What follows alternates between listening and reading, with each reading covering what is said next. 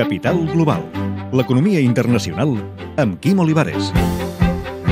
21 milions de persones a tot el món, la majoria dones i nenes, són víctimes del treball forçat. Molts són immigrants que fan la feina sota l'amenaça de la força bruta dels amos, sense poder tornar al seu país i per un sou miserable.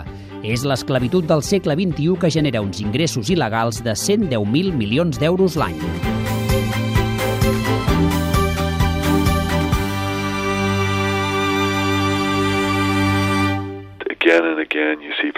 Una vegada i una altra veiem els líders polítics d'arreu del món com es comporten d'una manera profundament poc entusiasta i no tenen el coratge moral i el lideratge polític en la lluita contra l'esclavitud.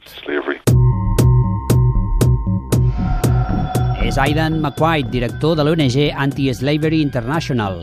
La regulació global del treball forçat es remunta al 1930. 84 anys després s'ha fet un pas endavant amb el nou protocol aprovat per l'Organització Internacional del Treball, l'OIT.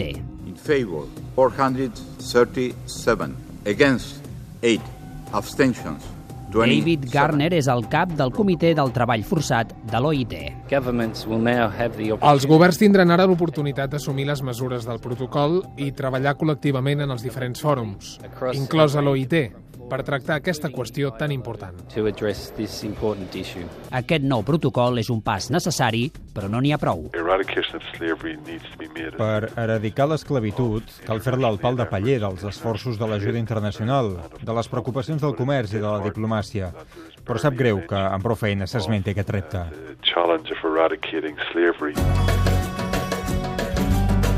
Agricultura, mineria, pesca, construcció, servei domèstic i la indústria del sexe, entre d'altres, són els sectors on hi ha més casos de treball forçat. Però quina és l'àrea més afectada? En números absoluts, la regió del món més afectada pel treball forçat és el sud d'Àsia. L'Índia, el Pakistan, Bangladesh... A més, molt sovint aquests immigrants acaben esclavitzats al Pròxim Orient quan viatgen a la recerca d'una feina digna. Els treballadors immigrants del Nepal, Bangladesh, l'Índia, solen ser els més afectats pel treball forçat a les obres de construcció del Mundial de Futbol de Qatar.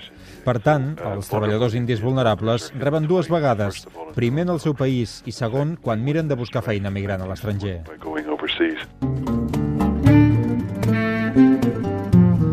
A molts països de l'àrea s'aplica el sistema legal anomenat CAFALA, que vol dir patrocini.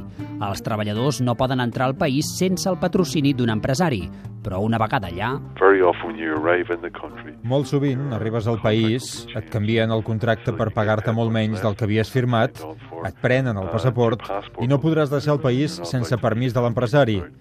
Aquest sistema, estès per tot el Pròxim Orient, s'ha establert per facilitar el treball forçat. Però bona part de l'economia política mundial està disposada també a treure'n profit. Dissortadament, tots els consumidors estem atrapats en la tranyina del treball forçat.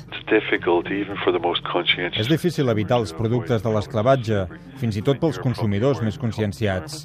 Quan vostè probablement porta una peça de roba, com jo, que amb molta probabilitat l'han produït esclaus. De manera similar, vostè té un mòbil a la butxaca, com jo, i el coltant del mòbil sol venir de la República Democràtica del Congo, on sovint l'extreuen nens obligats a treballar. Què hi podem fer, doncs? Hem de començar a demanar a tots els nostres líders polítics que facin la seva feina, definida per Adam Smith com la regulació dels negocis. Ha arribat el moment de fer-ho i de legislar per afrontar la qüestió del treball forçat. Els grans homes d'estat del segle XIX ja ho van fer i cal tornar-ho a fer en el segle XXI.